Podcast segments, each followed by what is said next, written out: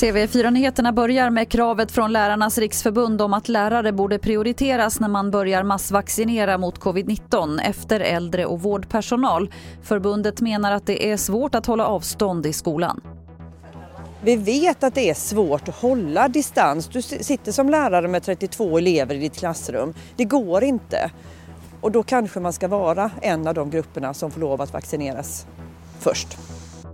Det sa Åsa Fahlén som är ordförande i Lärarnas riksförbund. Och mer om det här finns på tv4.se. Det är många barn som fått ångest nu under pandemin. Det visar en undersökning som BRIS har gjort. De har tittat på vilka sökningar barn gjort som hamnat på deras sajt och ångest är den i särklass vanligaste sökningen.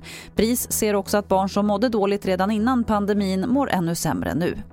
Till sist kan vi berätta att en anställd på Göteborgs spårvägar misstänks ha stulit 13 ton grus. Det här skriver GP.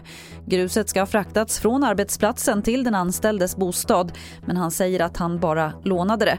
Den anställde har stängts av från sitt jobb och händelsen utreds. Gruset ska vara tillbakalämnat. Det var det senaste från TV4 Nyheterna. Jag heter Lotta Wall.